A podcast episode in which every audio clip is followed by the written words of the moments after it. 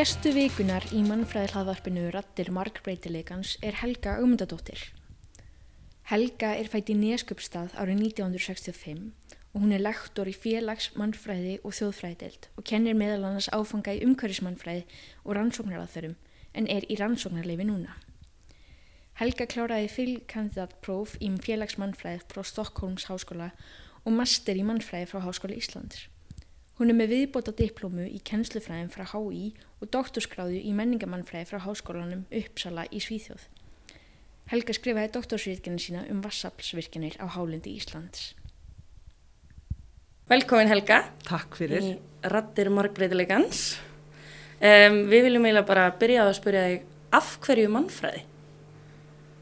Um, ég veit að ég líka ennþá. Uh, það er líka svo marga sögur sem hægt er að segja sko. Stundum segi ég söguna uh, hvernig ég bara hefði áhuga á, ég bara, já, alltaf haft áhuga á manneskum og hérna svo leitar maður og maður, ég byrjaði í þjóðfræði og það var ekki alveg kannski uh, vegna þess að það fjalla meir um það land sem maður kemur frá. Mér langaði að vita meir um heiminn og fólkið hinmeginn og svo segi ég líka sögunum að ég hef aldrei vilja vera manneska, ég vildi vera dýr og svona ímislegt þegar ég var krakki þetta sé svona þerapía, svona eins og fólk sem á við hérna sálfræðileg vandamál fyrir í sálfræði, það, það, er, það segir sagan. Nei. Þannig að ég sýst reyninni er, að, er svona meðferð þegar sjálfur mér. Ég sætta mig við að vera manneska. Þannig að það eru margar ástæður en ég sýst endaði í þessu og sé sko ekki eftir því. Já. Og þú byrjar þá þarna í Svíþjóð í mannfræðinni? Já, ég fór út til Svíþjóðar tvítug til að læra líffræði reyndar. Þannig að þetta er mjög krókot leið. Svo var ég líka elda ástina og hérna hann geta gert það.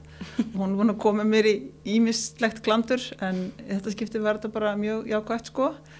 E, já, ég fór sérst til Gautaborgar og ætlaði að fyrir líffræði en það var svona ímislega sem ég hekka þeirri spýtu sem ég nefndi ekki að standi í og Uh, fann mannfræðina í Ísis Gautaborgarháskóla og var þar í eitt ár svo flutti ég til Stokkólms og kláraði mannfræðina þar uh, og tók líka eitt auka ár í heimsbyggi og svo var ég bara að vera til og leika mér og vinna og hitta skemmtilegt fólk og, og fresta því að þurfa að fara heima aftur.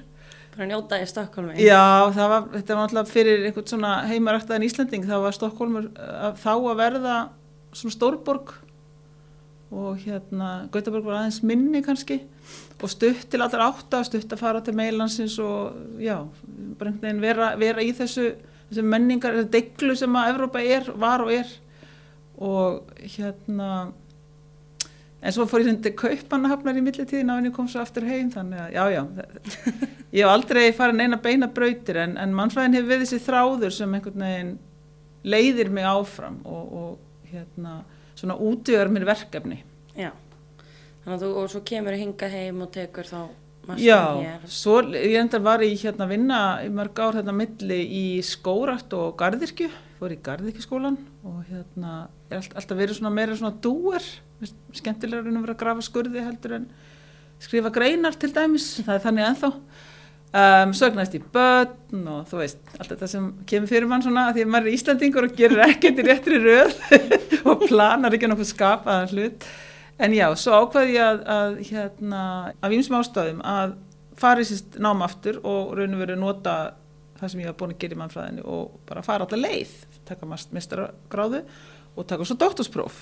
Uh, ég hef aldrei farið í sko mestrargráðuna engöngu, ég einhvern veginn sá ekki fyrir mér að að uh, annað er raun og verið að klára þetta bara hérna, verða doktor. Og já og svo tókst það einhvern veginn eftir mörg á og lítil börn og allt sem ger, gerist í lífum manns þegar maður er að hérna, streða við þetta á miðjum aldrei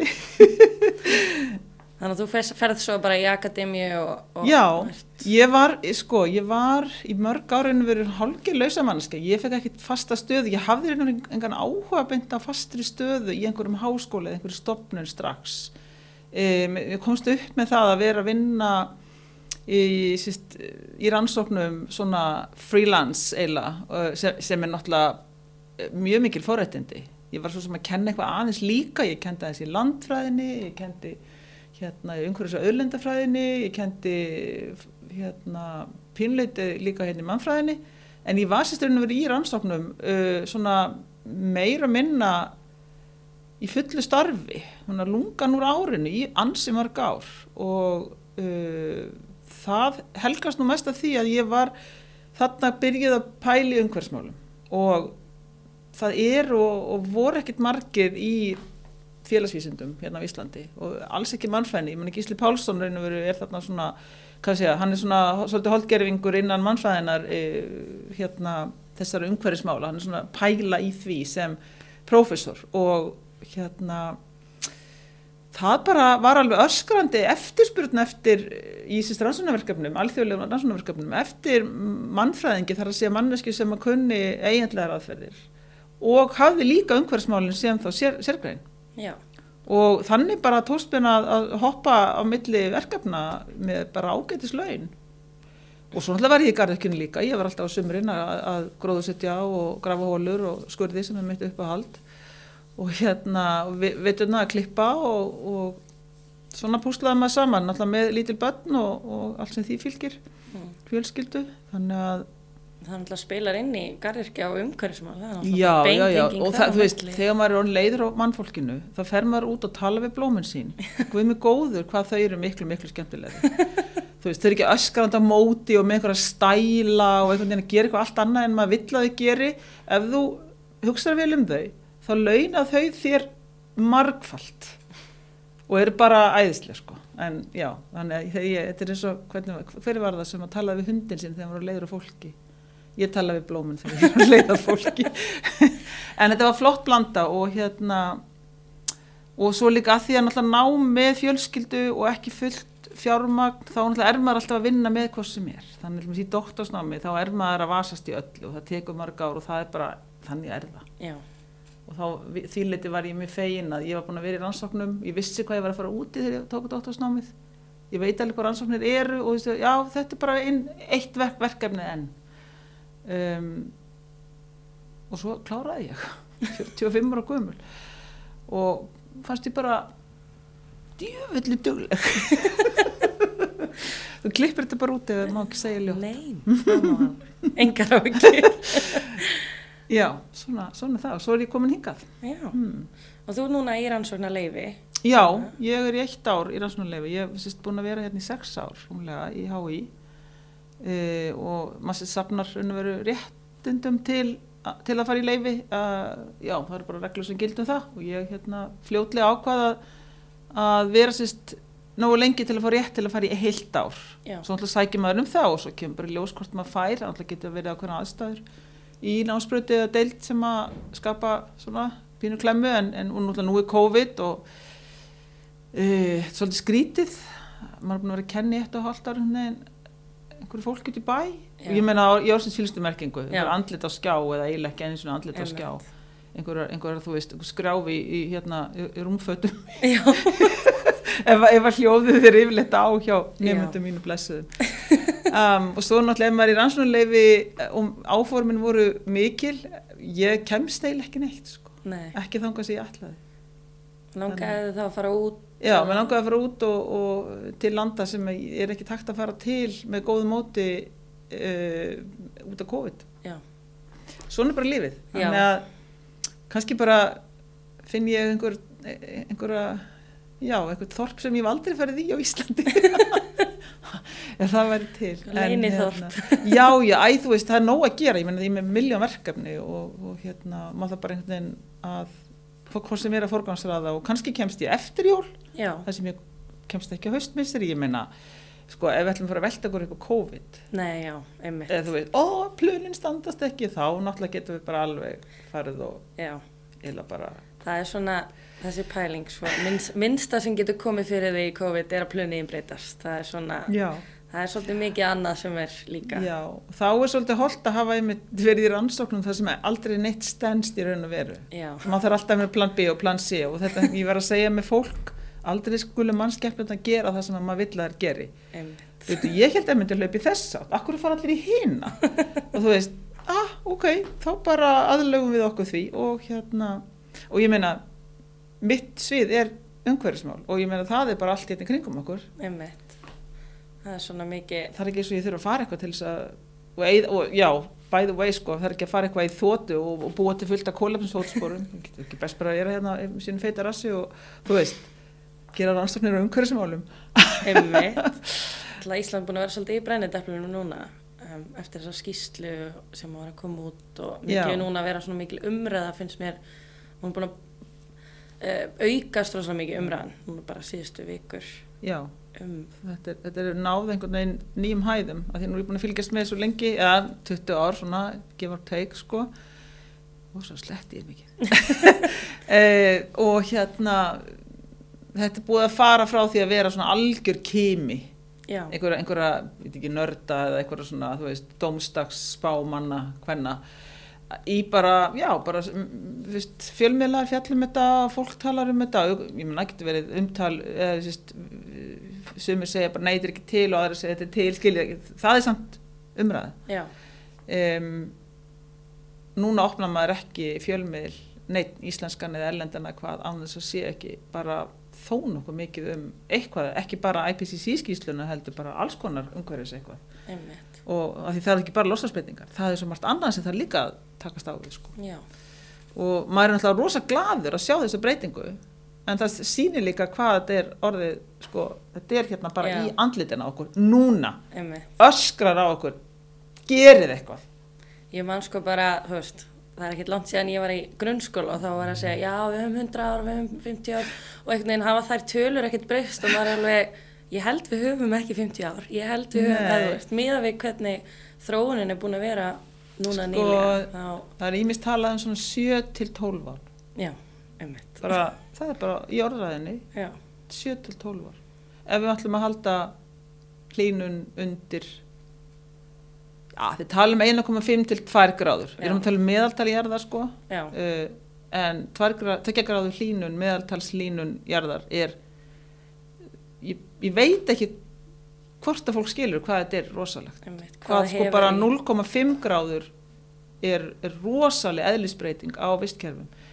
1,5, 2 þe- þetta er bara, þetta er styrla það hljóma svo lítið. Já, en málið er að sko ef þú hendir litlum steini í stórt vatn þá eru öldurnar bísna lengi. Það er unni sko endalust að breyðast út og það verður bara náum við meira og meira sko. Þannig að þetta er pínlítið þannig sko, að, að hérna, meðal hlínun fyrir alla jörðina hún fær svo ólíka útkomu eftir því hvar þú ert og í hvað samhengi og hva, hver er innblandaður í það sko. Hvernig vistkerfið það eru dýrategundir, plöntur, manneskjur. Að hérna við sjáum það bara á sko rannsóknum sagt á svona forsögulegum breytingum og til dæmis bara litla ísöld uh, hvað, hvað hún hafði sko sem að var einhver, ég man ekki það er einhver það var langt inn á halva gráðu halva gráðu meðal hlínun nei kólnun þá. Já, og það sko heilu samfélagin hrundu. Og hún var samt tiltöla hæg. Já, hún gerðist ekki orðfam áratugum, hún gerðist á nokkur hundur árum svo reyndar gekk hún tilbaka. Eh, sennilega vegna þess að þá var það tók við raun og veru hlínu náttúrulega eftir, eftir hérna mannaveldum eftir innbyltingu já, þannig að þetta er, já, þetta er svona þetta er svona risastóri hluti sem maður er bara svolítið það tekur svolítið mikið af heila frumum og það er svolítið mikið að sko hafa fyrir því að skilja þetta. Uh, þannig ég gerur bara ekki dráð fyrir en til að fólk skilja ekki sem að eyðir ekki öllum sínum tíma. Ég gleymi því stundum, ég er alltaf að hugsa um þetta já, ég er alltaf að lesa mig til og hlusta og reyna einhvern veginn að ná utan um þetta. Þannig að þetta er mín atvinna þannig að það er ekki minn að vona. Ég skilja svona nokkurn veginn hvað er að tala um. Það er ekkit skrítið þó að fólk sem er að gera eitthvað allt annað bara, ha, hvað er þetta að tala um? Og ef það tristir því ekki að þetta sé rétt svona nokkurn veginn, þá náttúrulega ekki um að vona að það bara, æ, ég ætla bara að horfa á Netflix eða eitthvað sko.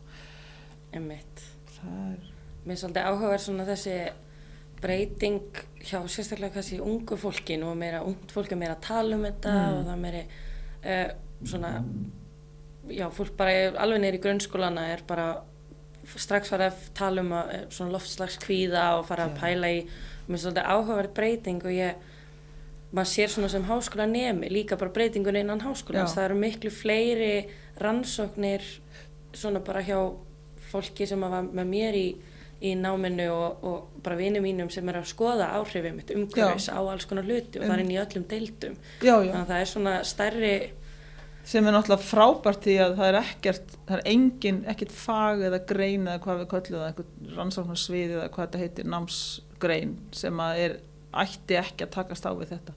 Það skiptir engum máli hvað hann heitir. Ég meina kannski einhver hrein starðfræði sko. Þú veist, þú þarf hvort sem er að læra þínar reglur og sannanir og allt það sko. En, en hérna allt sem fjallar um umhverfi manneski og allt þar á milli ætti náttúrulega að vera með bara sjálfs, sjálfsæðan hlut af öllu sínu, um sínu viðfánsöfnum eitthvað sem var þar umhverfið uh, og frábært ef unga fólki sem, sem þú ert að lýsa, Já. það sér bara um þetta sko. það tekur þetta bara inn viðst, gamla liði þarf ekki einn svona að hafa fyrir því sko. og þetta er eitthvað sem ég finnst mjög áhugavert og væri gamla rannsaka betur. Það er kynnslóðabili það er gjáinn sem að ég sé breyka núna millir kynnslóða hvað varðar umhverfismál og það að hvað allt gengur hægt. Eh, óþölumæði unga fólksins og líka þessi siðferðislega sko ábyrð hverjum er þetta að kenna alltaf svolítið verið að finna blórabögla og ég menna að það er fullkomlega eðlert og við finnum gætna blórabögla í eldra fólki því það er búið að lifa lengur og, og spúa meiri kvalitisýringi út í andrúsloftið við finnum líka blórabögla meðal ríku þjóðana að þau líka eru búin að meira minna hérna rassakastast um allar öðlindir í arðar í síðan nýlendu tíminn byrjaði miskusti e, og hlutværstar náttúrulega spúið við miklu meira af öllu vondum, öllum þessu vondu hefnum útældur en okkur tíma fólk í þrónaríkjum eins og eru kalluð um, og þá er ekki með að vona að fólk, ungt fólk verður svolítið fói, ég meina veist, á ég þá enga framtíð? Hvað á ég þá ekki egnar spöld af því mm. þau munu lenda í, djúpun skýt þú veist, af því amma og afi voru bara eitthvað alltaf að fljúa til spánar. Veist, þetta er alveg fyndið, þetta er líka rosalega hræðilegt. Já.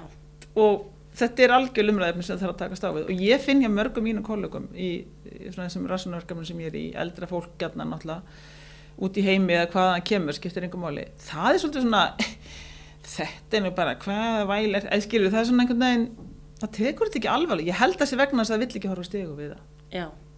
því það, það hefur svo gríðarlegar afleðingar ef þú horfa stegu við það og tekst á við og viðurkennir þína ekki sök heldur ábyrð Einmitt. Ég held að þessi persónalega ábyrð finnst mér, mér hún, hún er búin að vera svo áhugaverð núna, sérstaklega undarfæri núna uh, bara plastpokar og, mm. og plaströr og svona og, og ég er alveg samlað því að plast er vandamál í heiminum en, mm. en mér finnst alltaf svo það er svolítið grillu pæling að ég og þú, að því að við fáum okkur stundum svala eða kokomjölk eða eitthvað að það sé þá bara allt saman okkur að kenna mér finnst það svolítið, þú veist, ég, ég er svo samlega að maður er að taka ábyrð Já. en að það er eiginlega, já, svona besta markasherrferð í heimi var að, að þessi stóru fyrirtæki og oljufyrirtækin sérstaklega náða að kenna okkur um þetta. Mm. mér finnst það eiginlega svona áhugaverð Já, þið neytendur, það er þið sem viljið þetta. Við framleiðum bara þessi þið viljið. Einmitt. ef þið viljið vera að keira svona hræðilega bíla og fljúa í svona hræðilegum fljóvelum og, og vera svona miklu lúsusgrísir og, í drekka kókumjölk þá Einmitt. bara, ég meina hvað ég veið að gera, ég var bann ykkur það? Býtu hvað er frelsi þá? Þannig við erum föst í þessu ógeðslega kerfi. Já. þannig að þess, þetta er ekki bara þessi ég var að tala um kynnslóðir, ábyrð og, og einhvern veginn hver eru fórnalömp þetta er ekki bara norður, norður og söðurrið eða þróið og þróunaríki og bla bla bla við kallum þetta alls konar nefnum þetta er líka innan hver samfélags eh, hverju ég var bend á. Um, og hvar stoppu við þessa þennan vítarhing hvar klippu við á keðjuna sko? Er það hjá okkur sem erum neytendur og við þá öll bara, æ, nú hættum við bara að kaupa kókumjölk en ég meina pæltiði við hættum bara að kaupa kókumjölk ef allir íslandinga bara á einu degi ákveða að hætta að kaupa kókumjölk það væri geggjað að sjá þá tilrönd gerða Já, Vá. það var mjög áhugavert Hæ? Allt ég er bara glóið atvinnulegs og... Já, ég man það, einhver, það er einhver dagur á einn á árið sem er á ekki að kaupa neitt kaupið ekki neitt dagurinn sem er alþjóðlegur. Hann er aldrei virkað á Íslandi því Íslandingar get ekki tætt að kaupa. Þeir, við, við fyrum, að það vantar mjölk og þá fyrir við út í búið að kaupa mjölk oh, það vantar brauð, það fyrir við út í mjölk keirandi sko. Já, já. og svo um kvöldi alveg, oh, ég hef engan bjór Æ, skil, við er nú er ég alhæfa, en við erum samt rosa óskipilað sko. Já. og svona, þetta er svona, svona vera spontan sko. Svona neysli hægðuninn hjá Íslandingi er, er ekkert mjög svona, hún er ekki mjög Ég, bjó einu sinni átti einu sinni kærasta sem að mamma svo rosalega skipilað og var farið einu sinni í viku að kaupa inn fyrir alla vikuna og þetta er sko fyrir rúmum 30 árum. Og svo var aldrei neitt til helmingin af vikunni. Því þá fór ég alltaf heimilinu. Og við sátum bara svöng og vorum reyna að geta ykkur afganga því mamman er búin að ákveða það að það mætti ekki fara út í búð. Og þetta var rosaleg bara lífsreynsla mjög hóll en ég hef aldrei kynst öðru eins ég menn ekki var ég alveg upp í sko einhverjum auðafum fóðra mínu voru bara áttu bara ynga peninga og voru fótt ekki námsmenn og allt það sko. Og ábyggilega verið yfir svona reynd að fara bara einu sinni og kaupa fyrir langan tíma. En ég meina það, það samt gengur ekkit alltaf. Nei. en þessi sko hún ég get alveg þakkað henni það. En hérna ef hún hlustar þá má hún alveg hérna, hún veit alveg hverju hver, hver ég er að tala um. Um En þetta er einmitt eitthvað sem maður þarf að tæmja sér miklu frekar. Ég, til dæmis bara föt, akkurat er maður að fara, ég veit ekki hvað fólk fyrir ofta ári, Já. kaupa sér einhver föt, út af engu, bara því að langa til þess. Við, við tölum um þetta vinhópur minn um daginn að það var gott, það var, það var rétt svona kannski fyrir hrun að fólk var að fara í helgaferðir til Minneapolis Já. til, eða til kuppen Já. eða og bara, bara til þess að uppfæra fataskápin og svona Já, og svo, svo, svo hugsaðum við maður um þetta í dag og bara, ha, bara hvernig, hvernig datt okkur þetta í hug en, en það er ekki lengra síðan veist, það er, svona, because I can. já, bara við erum að fara fjölskyldan til Minneapolis til að fara í Mall of America í bara, Já. þegar maður pælir í þessu og svo maður er alveg sjálfur sikur um alls konar sko. Alveg. einmitt, við tókum bara við, við náttúrulega hlóum bara veist, það er ekki lengra síðan að við erum að Nei. enda að tala um þetta sko. Nei, það þarf heldur ekki að segja mann að það sé ekki fullt af fólki sem gerir þetta. Já, svo er það Ég meina, ég sé ekki neyslun að vera eitthvað minni. Það er kannski eitthvað meiri svona tilfinning fyrir fólki að það þurfi kannski að skoða betur hvaðan var hann kemur. Ég veit ekki. Ég veit ekki hvort við hefum gert einhverja rannsóknir á þessu. Þetta er náttúrulega svona, ef maður skoða rannsóknir annar staðar í allavega hinnum vestræna heimi svona, sem að ríki, ríki hérna, ríku 10% er búa eða hvað við erum að, að fólk svona reynir að versla eða kaupa sem sagt neyta svona siðferðislega ábyrgari hátt uh, eitthvað lífrænt og eitthvað lokal og já, réttlæti svörur er, já, hvað þetta heitir alls saman fair trade. Um, kannski er Íslandinga komnið þangað, ég veit það ekki. Já, ég held að sé, það er auðvitað alveg, það er auðvitað stærri partur en var. Já. Ég er alveg, og maður sér þetta mikið hjá ungu fólki, Já. kannski sérstaklega. Einmitt. En það spila kannski líka inn í að H&M er komið ykkar, þannig að þið vantar út í ból og eitthvað, þá, þá er miklu auðveldar að fara bara í kringluna og kaupa sér. Já, og Einhver líka ef HM segir þetta sér rosalega því þessi ægilega góð við litla fólki sem Já. að, þú veist, börnin og, og konundar sem eru að sauma eigum við það ekki trúa þeim Einmitt, svona eigum við alltaf að vera, nei, það er að ljúa okkur veist, alltaf vera að plata okkur er einhverjir, einhverjir vondir kapitalista sem eru að plata okkur. Jú, ég er náttúrulega trúið því að það sé þannig en þú veist, hva, hvað er fólk að gera? Uh, en líka þegar þú ferð út í búð og allar að finna eitthvað lífrænt réttlætisvottað, umhverfisvænt uh, lokal, hvað þetta heitir alls saman það er bara ekkert auðveld uh, og svo er það yfirleitt dýrara. Töluvert dýrara. Ég kefti eitthvað ból í vor fórum einhverju lífræna búð, ég og dóttur mín hún var að sína mér. Og hann var svo fallir og litin, ég þurfti ekkert á hann að halda. Ups og hérna vá, hvað dýr. Þetta var sérst lífræn bómull og litunin var eitthvað svona vottuð. Þetta var ekki svona eitur bras sem er sett í gætnan, litun, vörulitun er náttúrulega, eða fatalitun er náttúrulega ríkalega Já. lengandi sko.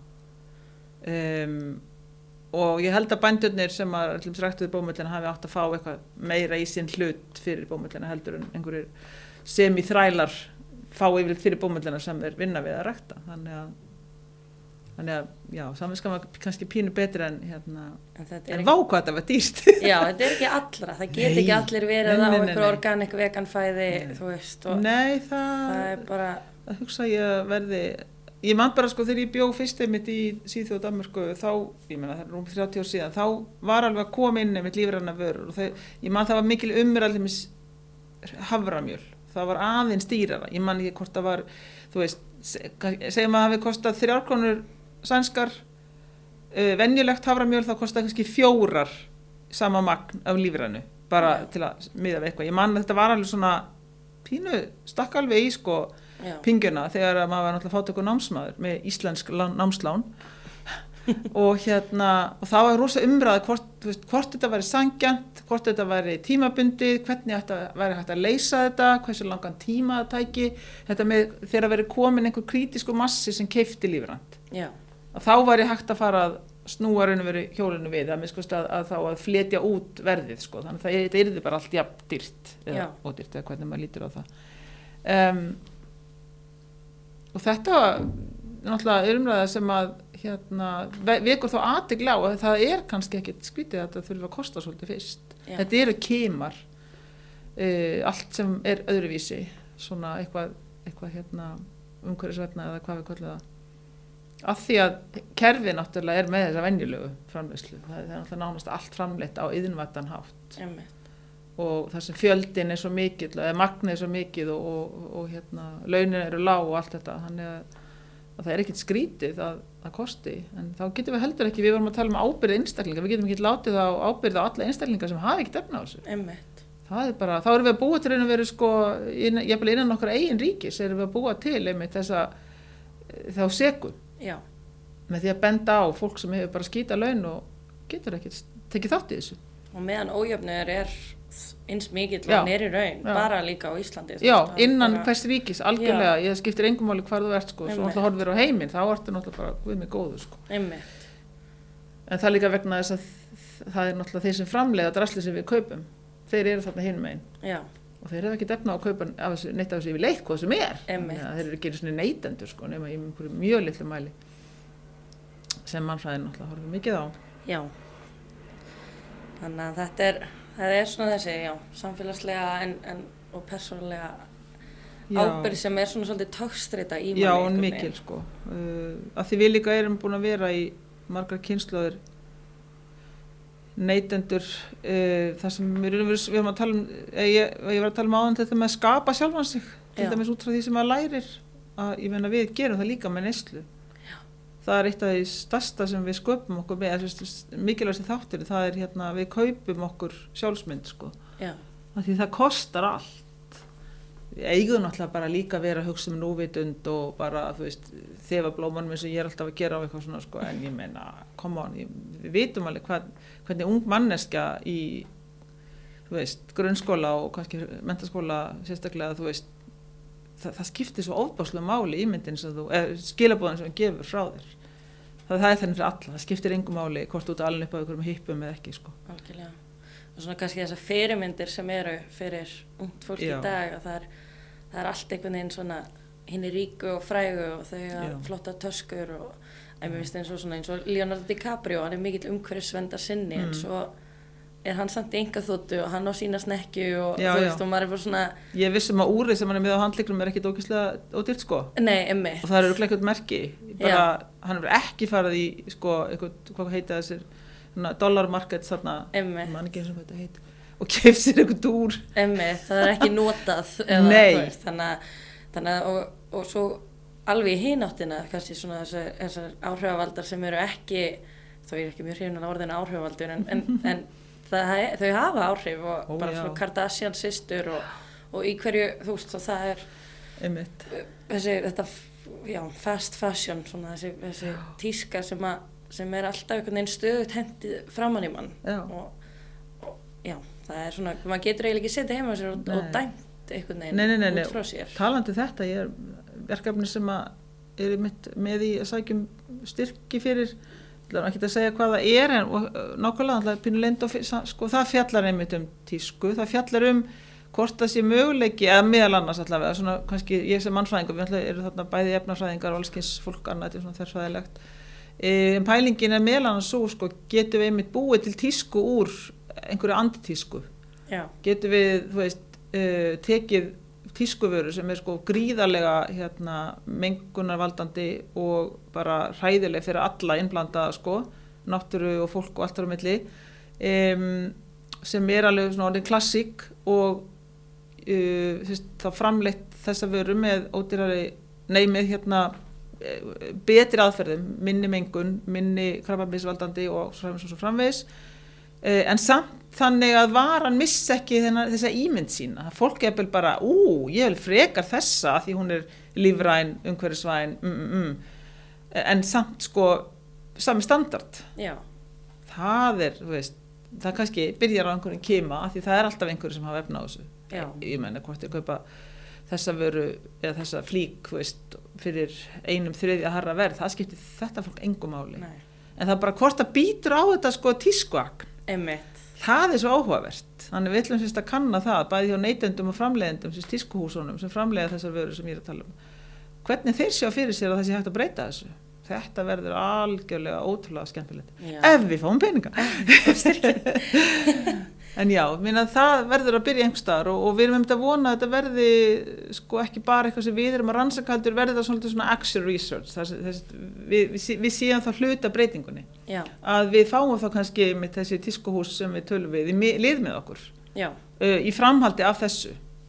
Að hérna sagt, prófa að hafa hluta framlöslunni í þessum umhverfisvætni dúr já, og uh, sjá hvað gerist svona skapa smá svona kapitalískan já, vilja já, til þess að gera ég meina betur. sko kerfið er ekki alveg hrunið enn sko þá við séum alltaf að byggja eftir því en að byltingin sko e, það er ótrúlega sekt í þessu kerfi þessu kapitalíska markasakkerfi e, ég meina bílaframleiðendur eru þú veist að gera skárri hluti, ekki sé að góða með því að til þeim framleiða umhverfisvætni bíla þeir, Já. þeir hætti ekki að framleiða bíla af því að við ætlum ekki að hætta að gera bíla og Já. kaupa þá en þeir eru kannski pínu skári í einhverju leiti, kannski ganga fyrir rafmagni en ekki einhverju bensíni, dísel, hvað.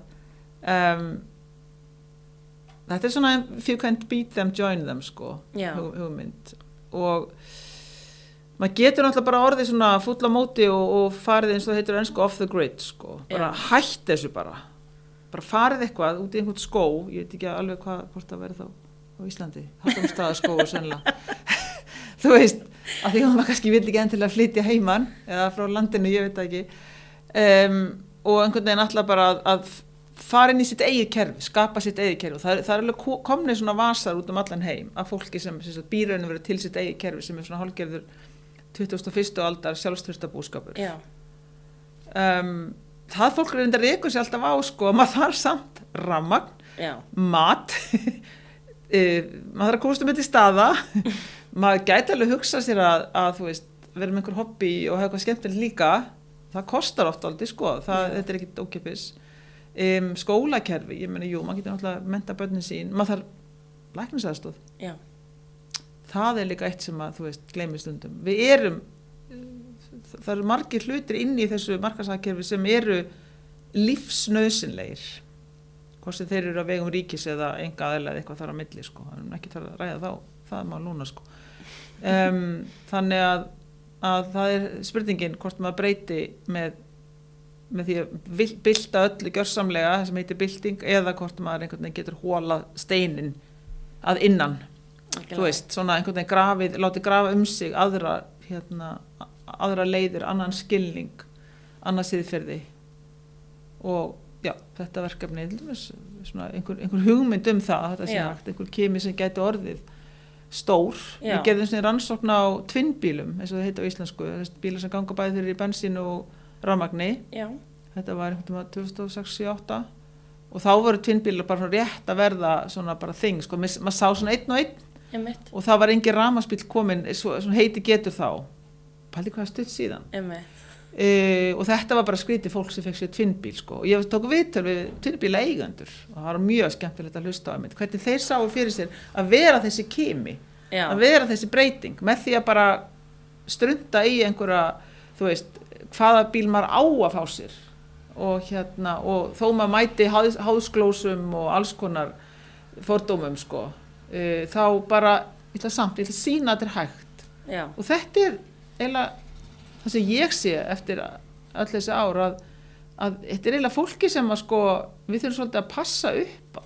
Einmitt, við sem bara sína það er hægt að vera öðruvísi og það er bara allt í lagi. Ég held ekki að, því núna er fólk í rauninni, kaupir þér ekkert nýjan bíl nema hann sé ramarsbíl eða allavega tvinnbíl, ég sé ekki svona, jú, kannski er ég ykkur um svona bergmálshelli en, en Það er allavega stefnan að það verði þannig að ég meina það verður að tala um að banna bí, bensín og díselbíla, ég man ekki hvað stjórnvöldur einhver Já. ekki spyrja mig því ég man þau ekki. Svolítið svona uh, hálfvolt stundum finnst manni að því að maður, veist, það á bara ákveð þetta. Já, en ok, þá kannski kýst þið engin næst, ég veit ekki, það er eitthvað svo leis um, ég er ekki að tala um stjórnvöld, stjórnvöld sko, sem eru núna endilega, ég er bara að tala um stjórnvöld. Þau eru Já. allavega í Íslandi ótrúlega hrætt við að taka ákvarðanir af því það þarf að vera pínu svipa líka, það er ekki nóg að hafa endalus og gulrættu sko. einmitt. Og minna eins og við hefum gert í Nóri, það er bara, held ég, hvort það er 25 eða 30 já, sem á bara Já. að það verður engin nýrbít nei, bensin eða dísil Einmitt. og minna það er olíuþjóð. Þannig að það er mitt kemur á óvart að þjóð sem er nota svo mikið sko náttúrulegt rafmagn eða er með, hérna, er með vassapsvirkjanir Já. og jarðvarmavirkjanir uh, þó það sé kannski beint þannig á blaði um, ef út af það farið en, en þá, þá sé við séum við erum með það mikið magna af rafmagni við ættum eiginlega þess að heldur að vera þá leiðandi í rafbílum, við erum með það mikið af bílum á, á mann hér já, en alltaf erum eins og bara, ég held þessum bara hljótt með að vera með heimsmet sko, Já, bíla kæft sko erum við ekki með heimsbyrjandi í öllu per capita Jú, jú, við erum alltaf mest og best og verst. og verst Það er ákveðin lífstíl. Já. Það þurfa alltaf að toppa alla heina. það er mjög fyndið Ah, Þetta er svona, já, þetta er svona, þetta er svona, þetta er svona samfélag sko nautnabelgja, svona hitonista. Já. Við að gera svo mikið. Þegar maður fæ sér köku þá það maður að geta heila tertu. Það er ekkert minna sko.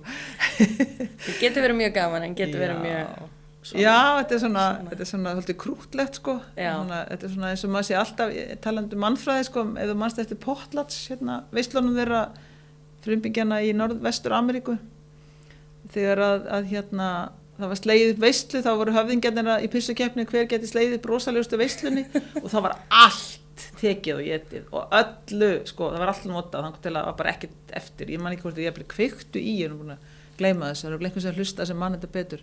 Þá voru, sko, höfðingarnir voru að sína þeir, þeir ættu svo mikið að auða þeim þeir voru svo ríkir og fólkið er náttúrulega að þeir getur bara hreinlega kveikt í öllum teppunum og það myndi engin áhrif hafa á þá sko. Við erum pínu svona potlatsfólk það er endur alveg yeah, þú veist, bara þykka á morgun hver er að pæli því. Getum að drekkum núna.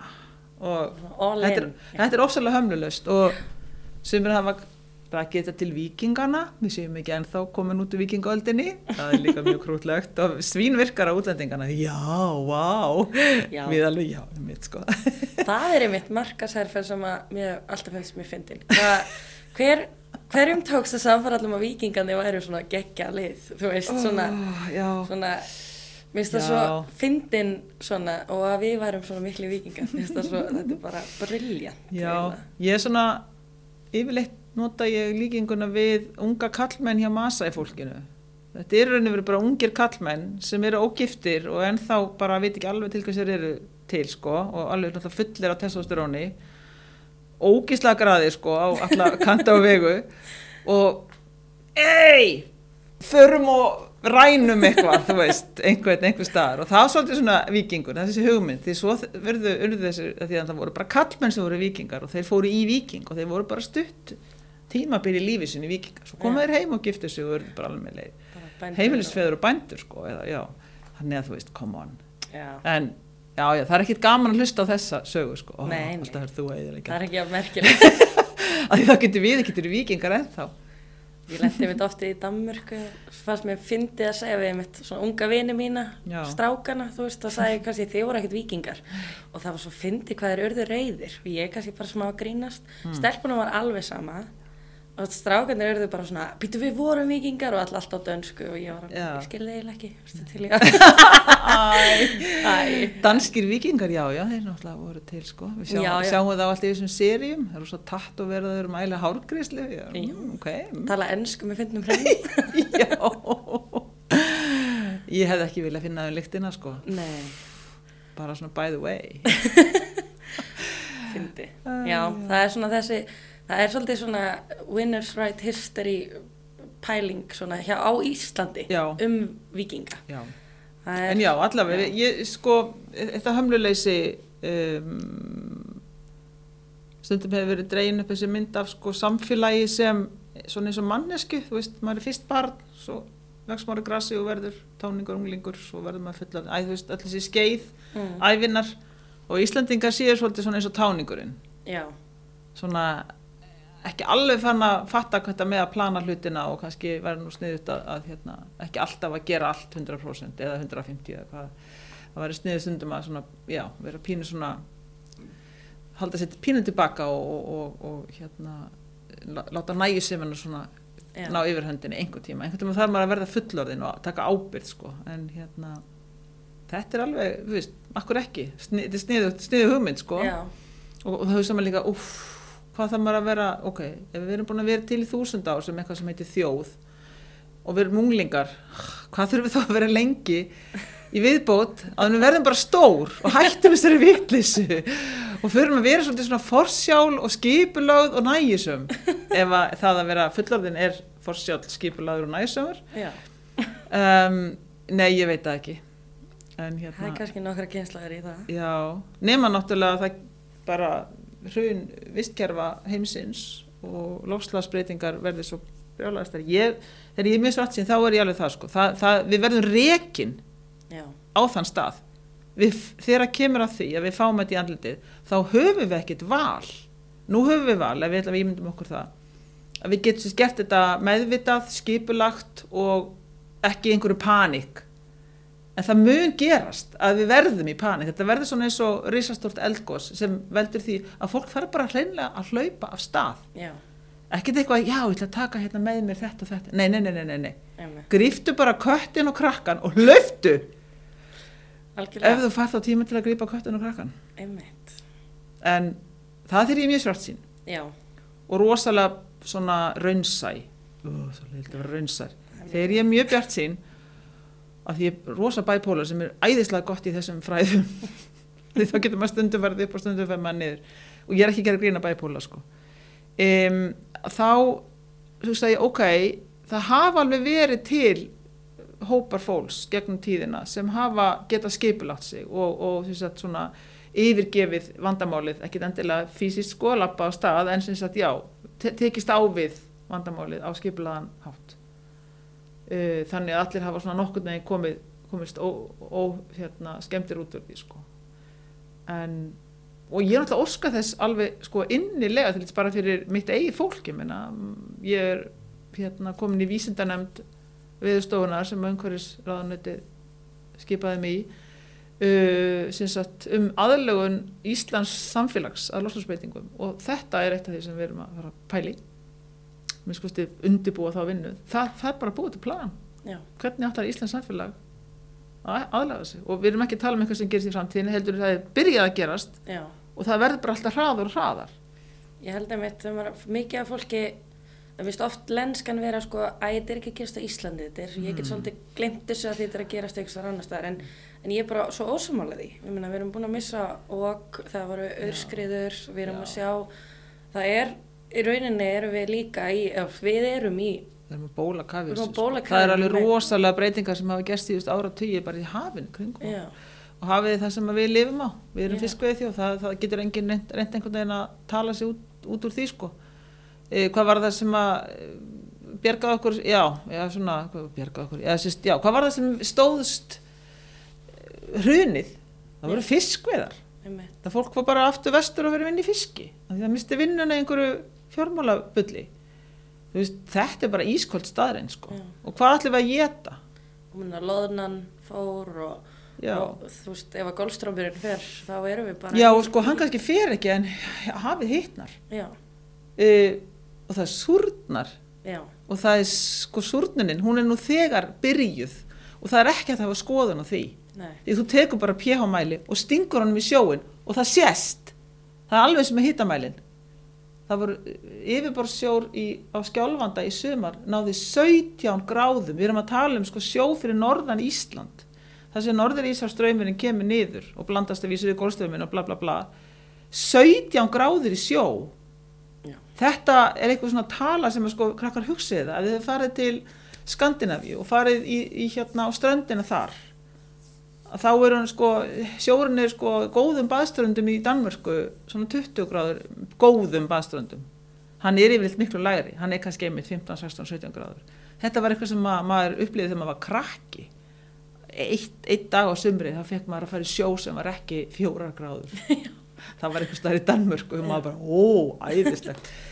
Þú veist, þetta er að gerast hér núna. Meina, ekki reyna að hafa skoðin á því eitthvað, bara íditt og gerið eitthvað í því nákvæmlega. ég fyrir með, svo, ég, svo fyrir ég líka svona smá að pæla þú veist að því að það er núna orðin all lenskan um að við ætlum að finna bara eitthvað aðra plánundu og fara bara þangað og já, ég eiginlega er byrjuð bara að hlæja í opi geðið á, á fólki sem er það horfið bara ómikið á sjónvarpi held ég sem, Já. eða þú veist á einhverja svona science fiction hérna, ég er alveg þar ég er elska science fiction, ég er búin að liggja í þeim bókum og horfa á, ó, ég bara við, ég og maðurinn minn, við finnum nýja staðar á einhverjum streymi sveiti þá bara yes, og svo er bara hort og hort og maður Já. þetta er æðislega, þetta er svona sagfræði framtíðar en, en ok. E, jú, það er kannski verður einhvern tíma sett skip af stað, einhvern gameskip með einhverjum x þúsundum sem að munu kannski tímgast í, veit ekki, x marga kynsluður því það er svo langt til þessar plánuti sem á að fara til. Það getur vel verið að takist. Ég er ekki að segja það sé ekki alveg laust fyrir þá sem að hafa efna á því. En málið er að 99,9% af mannkinni bara er ekkert að fara þángað einmitt, aldrei. Og það, ok, maður getur þau að segja, já, ég tilheri hérna, þú veist, ríka prósendi, ég get alveg, bönni mín get alveg gert þetta, ég ætla bara að safna peningu fyrir því ég hafi efna á miðanum, en við lifum ekkit án allra hinna, sko, við Já. erum annarkvæmt saman í liði eða við erum bara skrút, sko, algjörlega. Og, og verðum, við verðum svolítið að standa saman. Já. nú erum við bara með þessa plánundu akkur tekum við ekki til Já. heima hjá okkur áður en við fyrir að kaupa nýja íbúð? Það er svona já, þessi pæling. Finna nýja plánetu, sko. mér finnst alltaf svo fyndið. Ég bara, Já, maður sér til dæmis í þessu, þessu gamekaplifi núna, það er svona rosa orka hjá einhverju ríkum köllum, þetta er nú kallar sínus mér, já, þetta er eitthvað svona, þetta er svona svona tippakefni, algjörlega. Þetta rosa, það lítur einhver feminist að hafa greint þetta sko, því að eldflugatan eru alltaf langar og mjóar, er svona Já, fallistátt mjög sko, fallistákn og- þeir eru eitthvað svona, ég, gamli kallar, svona eitthvað gráfiður, eitthvað, ég ætla að komast til tungsins, ég ætla til Mars, veist, og hvert á ég að fara sem er flottara heldur en eitthvað meiri ah, já, já, en, ég reyndar alveg samlega ekki setja bara biljónirna í eitthvað skip og endilega fara að finna í plánutu Ég segi það stundum Losum okkur bara við þetta leik Getum við ekki einmitt sent hérna Hvað, hvað var að segja? 1%? Já. Æ, eitthvað, þú veist, eitthvað x, x mikið af fólk Ríkasta liði sem að sko, skemmir mest Sendum þau bara í eldflug endilega fara að finna í plánutu one way ticket. Komið svo og segja okkur hvernig það var. Já, já. Þetta er svona að henda rusli, sko. Smá Æ. en ég meina þú veist ef, ef maður er allan allt sitt líf að bara svona eins og þú segir horta peninga Já, fyrir hvern þetta er þetta er áhugaverð áhugaverð, áhugaverður lífstíl sko, einhvern veginn og réttlætingin hjá sumum er einmitt þetta sko að þeir séu alltaf að reyna að finna upp eitthvað gott fyrir alla hina og séu svona mannúðarstarfi og jújú jú. um, því miður þá er ekki mjög mikið rannsakað af, af, af því er svo erfitt að sko störi upp að að rannsaka ríkasta valdamesta þú veist, hvítasta fólkið mm. af því það hleypir engum inn í Já. lífsitt sko, nema kannski einhverjum æfisögur rittara sem skrifar einhverja svona glansmynd í einhverju æfisögu uh, en, en þetta er þetta, fyrirbæri sko þegar horfir á skekkju auðæfa, veist, hvað er auðæfin sapnast auðæfi jarðar uh, þá, því skekkjan er svo ofbáslega að, að þú veist, talandi um að skilja ekki sko tölur eða einhvern veginn sjá, ekki fyrir sér sko þú veist, einhverja afstöðu hlutana það, það, þú veist, við erum að tala um hitasti jarðar og meðalhitasti og einhverja gráður já, já, sko, en, en þú veist, þetta er líka svona algjörlega absúrt tölur.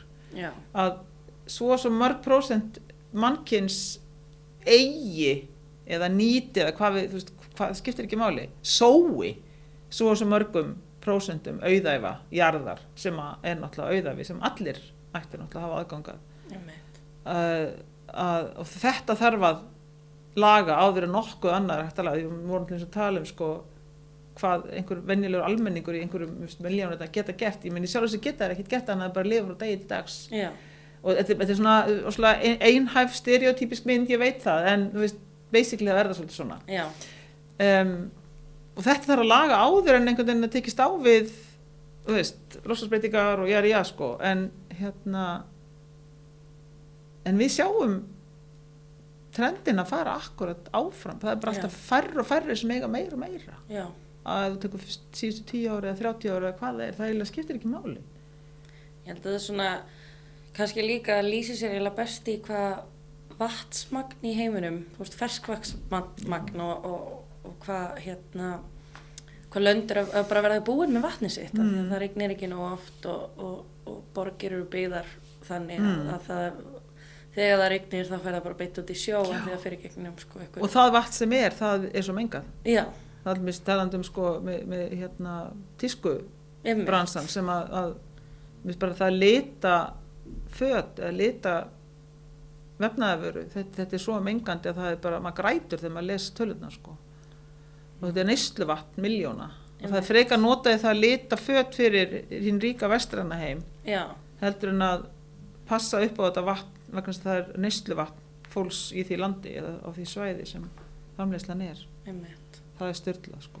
Það er svona, þetta verður svona, já, maður, þegar maður verður svona mikið kannski svart síðan eða runnsær í rauninni, Mm. Já, ég- er þetta ekki er- svart síðan, þetta er runnsær að, svona hver verður eftir, hver, Já. hver hefur aðgang og hver, hver fær tækifærin? Já, þetta finnst mér mjög áhugaður spurning og ég segi stundum, kannski bara til þess að reyna einhvern veginn að, taka gamla sokkinn og snúna pínliti við, því orðaðinu svo að sko, við, hef, við, við höfum sérst, á, sem að kalla en, en sko the winners and the losers þeir sem sigra og þeir sem tapa og, og tapararnir munum bara alltaf tapa meira og meir og á endanum bara ganga þeir undir en vinnararnir eða sig- sigurvegararnir einhvern veginn fljóta ofan á því þeir geta borga sig frá vandamálunum ég segi bara alltaf, ég er búin að segja þetta rosalega lengi og ég man fyrsta skipt sem ég sagði þetta á einhverju fundið er ástöfni, ég man ekki þá var svona hort á mig eitthvað svona, hva, hver er þú eiginlega? Ég sagði, vitið það, ég held að koma okkur óvart þegar við stöndum andspænis raunverulegum sko eh, þú veist, bara, bara breytingum sem eru svo brjálaðislega stórar e, á loslægi á, á afleiðingum, raunveru afleiðingum loslægsbreytinga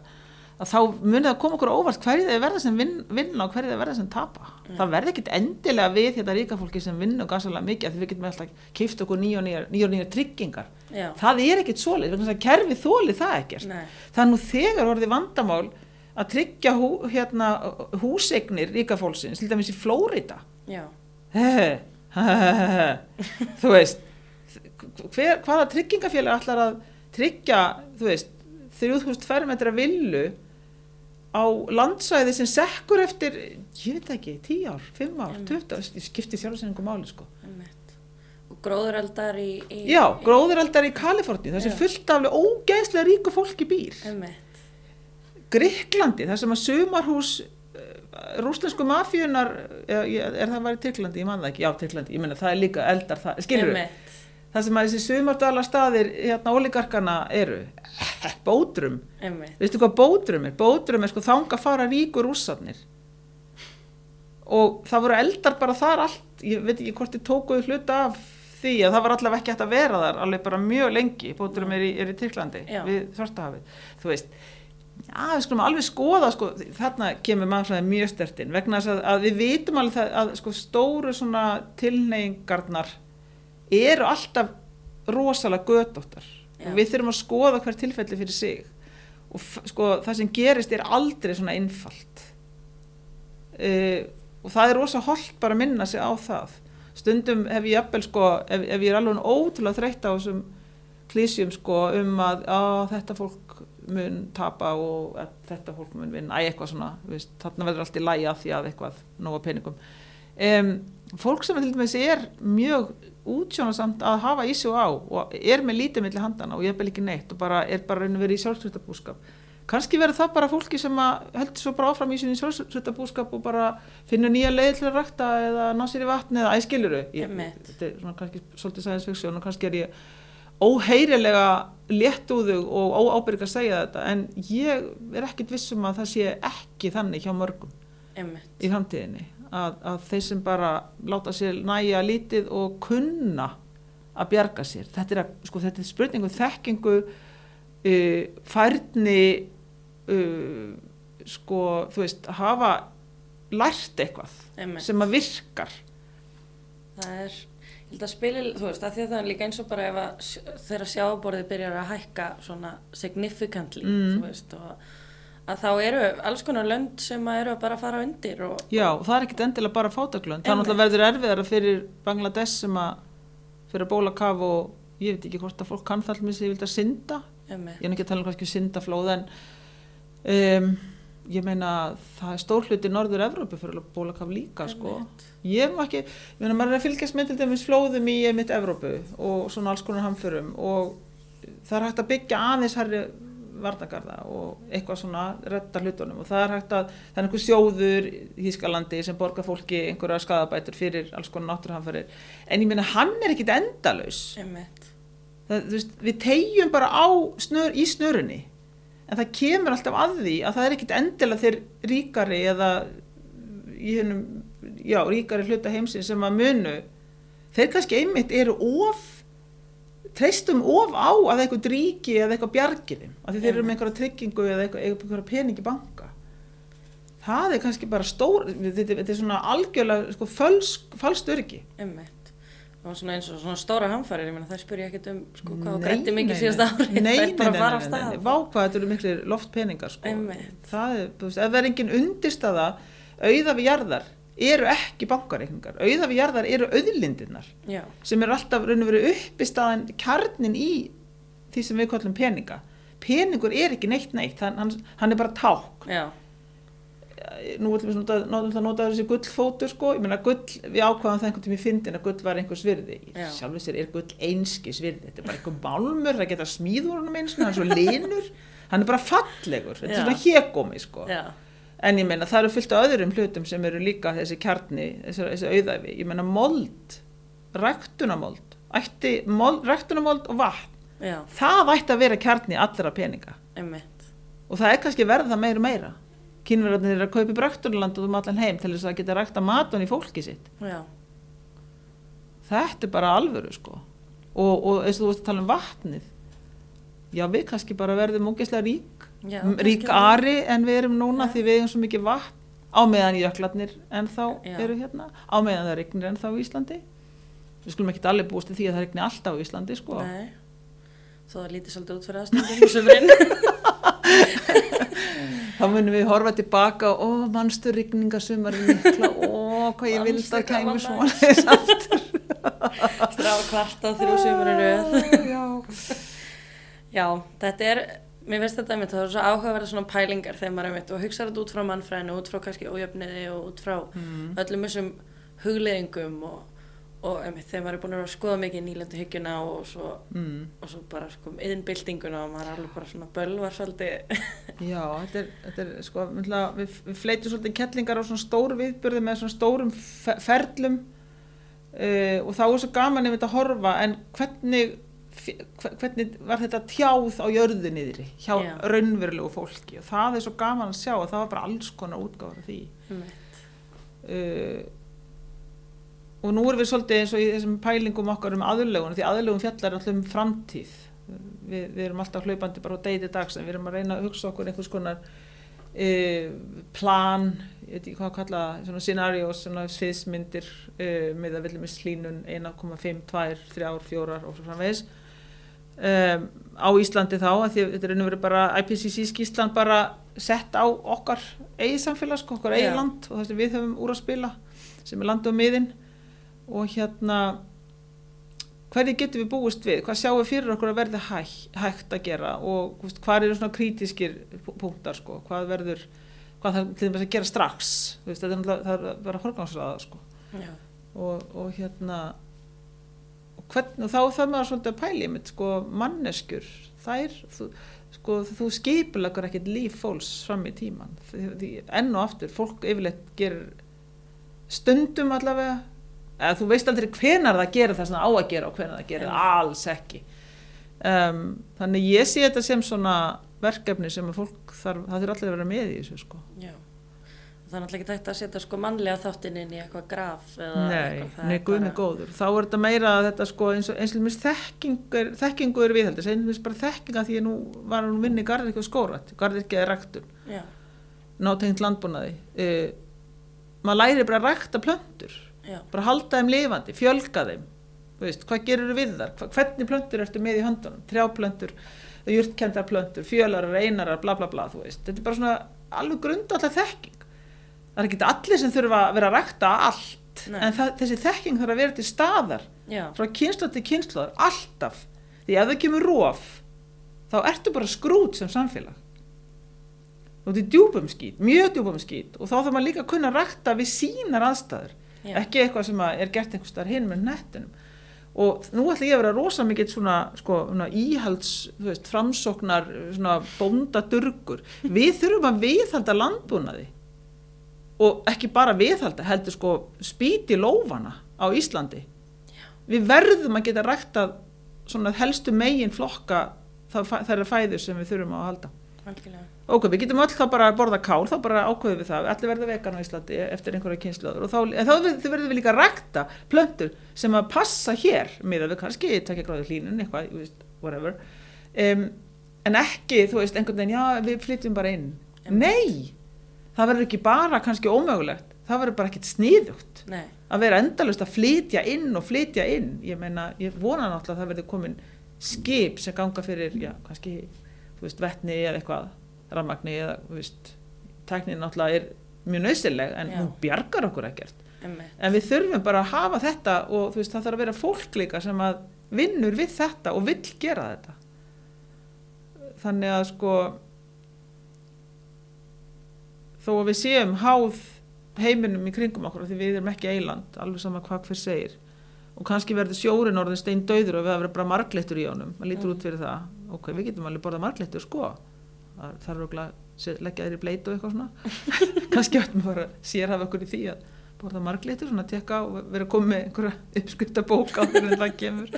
En þú veist, það, jú, að koma einhverju fiskar að sunnan en það verða, sjórin verður svo súr að, að hérna, öll skeldir bara verða nánast horfinn og þetta, þetta er bara einhvern graf sem er bara til, þú veist, Já. eftir x marga áratí þá verður svo, stjórunum svo súr að dýr með skél dýr og plöntum með skél geta ekki lifað. Já, þið gera leitt. Ég er bóðbyrjum áleira tíðinda en það er það sem að stefnir í. En við höfum þá alltaf já, jörðina, við getum ræktað. Og það lítur út fyrir að það hætti ekki alveg að regna hér að minnst kosti einhver staðar í svona fyrirsjónlega framtíð og hérna og þá bara að hafa þú veist hefur menningar íhaldið halbúnaði mafíin alveg rétt fyrir sér að þetta verður að passa algjörlega. og hingað bara eftir að koma fleira fólk, hvað er líka það við getum ekki alltaf verið að láta eins og hérna, við getum valið útlendingan okkar flótamennina bara, já, æ veist, já, hann, hann hefur svo góða mentur eða hún, þú veist, hún er svo ung og hraust viljum þig þetta er ekki bóðið, sko. Við verðum að taka ábyrð og taka móti flótamönnu því þeim bara fjölgar. Já, þeir eru fleiri dag en held ég nokkur sem fyrr, ég var eitthvað að lesa með tölur um þetta. Já, það þurfti ekki Afganistan til, sko. Nei. Meina við verðum þá líka með að, að taka okkar ábyrð eins og við erum búin að segja sem mitt af og af ríkulöndum. hverju ekki, hvað vantar alltaf fólk Já, algjörlega og við erum, og við erum með pláss. Við erum Já, við búin mjög dreifbílt hér og, og það... Það var einmitt einhverju daginn, eitthvað rosa reyður út af því að það vera að tala um hérna, útblástur Íslandinga, hann er svo brjálaðslega mikill per Já. haus með öll önnur, bara öll önnur Evrópuríki, við vorum eitthvað 40 kom eitthvað og næsti fyrir neðan var með eitthvað 17 kom eitthvað, Já. ég man eitthvað Luxemburg eða- og hérna, það er að því við erum svo fá, ég sagði, hei, reddum þessu, við Einmitt. bara bjóðum bara öllum afgunum og sýrlendingum og hvað, við bara komið til okkar, Já. okkur vanda fólk, þá bara snar lakkar útblásturinn miðað við hérna höfðatölu. Og við erum bara í góðum málum, málið leist. Það er nefnilega eitt sem við viljum ekki vera mest í per capita, sko. Þannig að nú erum við bara komið lausn á öllu þessu vonda per capita. Já, og ég menn Íslandingar eru hættir að fjölga, eða þú veist, þeir fjölgar alltaf, þeir fjölga sér hægar og hægar og það er ekki gott hver og þá að, að sjá um gamalmennin. Einmitt. Ég verður örugglega bara hræðileg, eh, þú veist, guðmann kettling eitthvað, ég veit nú alveg hvað ég segi. Og það er engin útlendingur sem getur gefið mér að borða, skeint mig og baða mig. Ekki alltaf bönni mín að gera það. Nei, Nei, í alvöru, þú veist, þetta er bara, hver ætlar að þrýfa? Íslendingar? Nei. Já, þá kemur aftur inn þetta, við erum bara að leika okkur og njóta og, og það er svona táningurinn, mamma, mamma og pappi taka langar líka svo í fólk nýri bæ sem er ekki allt hvítt á litin mér er svo leið á þessu liðið það er allt eins, allt glónað ég meina hafið ekki lappa nýri bæ þegar það er ekki fullt af túristum og hérna, eða farið á þú veist þorrablót einhvers staðar sem bara er Íslendingar meira minna og, og, og farið með sko erlenda vin og þeir eru bara, vá, þeir eru öll eins Já, já, ég veit, við erum öll skild Við erum öll skild. Hvar er fjölbreytnin? Hún er svo skemmtileg. Ólíkt tungumál, ólíkt trúabröð, alls konar föt og, og þorrablóti. Þá ekki bara vera þetta, þetta gamli vondi matur. Það voru mjög óþjóðleg. Þá að vera alls konar. Líka bara, sko, æ, það er alltaf þessi segla mýta um að við sem eitthvað app svo við getum tjekkað. Það er bara Íslandingabóka appið sem er reyndar ekki til í dag en Nei, að maður þurfa alltaf að vera að tjekka. Það, það er þó ég sé ósámála þeirri mýtu að maður sé alltaf að því en þá er samt, það liggur svona í hlutar þessi eðli að maður þarf, þú þarf að vera vissum að það sé ekki, þú veist, Já. og sérst að vera að hitta hvernig að ætta á móti. Þannig að þess þá heldur reynum að fá meiri fjölbreytni í samfélag okkar og það bara... En það er ég búin að alveg sko, ég var tvær stelpur og ég er búin að sko, alveg sko heila þvoða, stelpur mínar, ekki deyta Íslandinga. Þú veist, sk- hvers kyn skiptir mig engum máli, en bara reyniði bara að finna einhverjar annarar þjóðar, ekki kvikindi, hvað heitir það, góðum málið, skilur bara farið eitthvað burt og kynnist þið öðru fólki, það er svo holdt. Ég menna, ég elska alveg þess að þjóð mína svona stundum, sko. Stundum. Já. Ég, mér fannst við, fund- fundumst við vera mjög dugleg að hérna, takast á við COVID, allan við byrjun. já, Ég var bara mjög ána með það, það var ekki við eitthvað svona vesen. Fólk bara lætur bólusetja sig og þú veist, já, svona flestir haga sér vel og hugsa um gamla fólkið og veika, aðskilið, svona, við svona, við svona einhvern veginn römbum á að gera hlutina rétt stundum. Og þetta fannst mér alveg bara, ég var, ég var að bera mikið saman við vinnum mína sem að búa í öðrum ríkjum út um allan heim og við erum, við erum með fjöspókarhópa sem við ræðum þetta mjög mikið. Og þetta var rosalega lærdomsríkt og þau bara, þú veist, vá, hvernig farið að þessu? já, að því við erum náttúrulega sko, einu enn ekki eiland og vírusin kemur hinga alveg sýnist sko. en, en einhvern veginn það þarf samt eitthvað að poppa þetta upp sko. Það þessi lenska við, við, við erum alltaf að finna upp hjólið, við getum ekkert alltaf, við erum alltaf, þú veist, eins bara eins og námslána kerfið okkar og, og margt svona við svona, nei, við viljum að gera þetta okkar hátt, Já. íslenska leiðin íslenska leiðin, en, en já, ég er alveg samlega, við getum alveg gefið það að íslenska leiðin í COVID gekk mjög vel. Já, ég, bara, ég held að sé, þá líka kemur í ljósa kannski saman súrra samfélag sem að bóðleiðnar eru stuttar og, og þú veist, þú ert með í þinni eigin fjölskyldu eða ætt eh, svona, þess, nánast þesskur sko. það er svona, þetta er mýta en þetta er samt líka satt mm, að, að hérna fólk svona það, það tikkar strax inn sko já, æ, við ætlum að halda upp á ammælir ömmu byttunum við þá þurfum við að passa okkur á þessu, þessu, þessu. Ok, þetta er allt mjög sjálfkvært sko. Já, en ég held alveg að virki sko. Já, ég er ekki frá allir í hruninu að hafa líka allavega fyrir marga, ekkit alla náttúrulega sem eru einstæðingar. Mm, að þá hafa þetta alveg sko, fólk stóð alveg saman og, og hérna hjálpaðist þó, þó nokkuð mikið að mér maður bara sá það gerast. Að, að hérna bara þetta að taka við krakkunum sínum aftur. Já. ef þau eruð atvinnulegsa þau þurft að hætta skóla sko. Bara, veist, komdu bara heim og farða að vinni veist, er að vinna eða whatever. Um, þannig að svona, svona klansamfélag sem er náttúrulega gjösspilt þess vegna mælusti núna allt í einu svo hátt á öllum spill, spillingar mælikvörðum því það er allt í einu uppgötað að frænsemin hér og frænteglin hún náttúrulega er ekkert annað spilling að hún heitir það.